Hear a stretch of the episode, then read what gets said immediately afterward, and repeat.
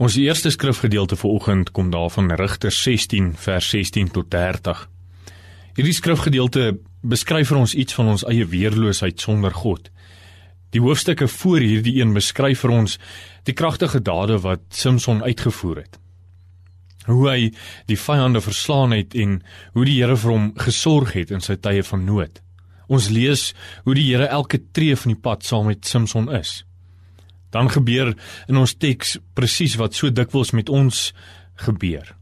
Die teks sê Samson het ongeduldig geword, soveel so dat hy sy lewensgeheim verklap het. Die een ding wat die Here van hom gevra het, het hy nie na geluister nie. Dit gaan hier nie oor Samson se hare of sy eie gewelddadige krag nie. Dit gaan oor die Here wat by hom is. Alleen met die Here by hom kon hy alles vermag wat hy het. Dit gaan tog so dikwels met elkeen van ons ook so.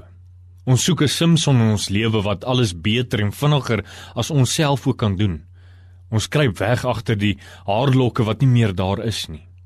Wanneer jy egter besef dat dit nie die aardse dinge is wat jou in staat stel om 'n nuwe dag aan te pak nie, maar alleen die genade van die Here, dan kan en sal jy ook die krag hê om hierdie nuwe dag met al die uitdagings wat hy ook mag bring te kan aanpak en oorwin. So Samson moet jy tot die besef kom dat jou krag deur die Here kom en nie van jouself nie.